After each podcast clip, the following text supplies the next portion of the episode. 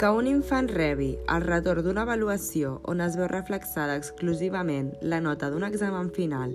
i en el qual no es té en compte un seguiment en el seu procés d'aprenentatge, ja sigui més positiu o menys,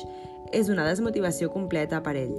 Una avaluació numèrica mai serà el resultat final d'un aprenentatge complet. És per això que considerem que una avaluació on es tingui en compte tot el procés durant tot el curs escolar, les diferents feines que s'hagin anat realitzant al llarg del curs i les diferents observacions serà la millor manera d'avaluar els nostres alumnes. Un gran exemple seria la Maria ha tret un 3 al seu examen final i la seva amiga Laura ha tret un 9. Tot i això, és ben clar que el procés d'aprenentatge de la Maria ha sigut molt més gran que el de la Laura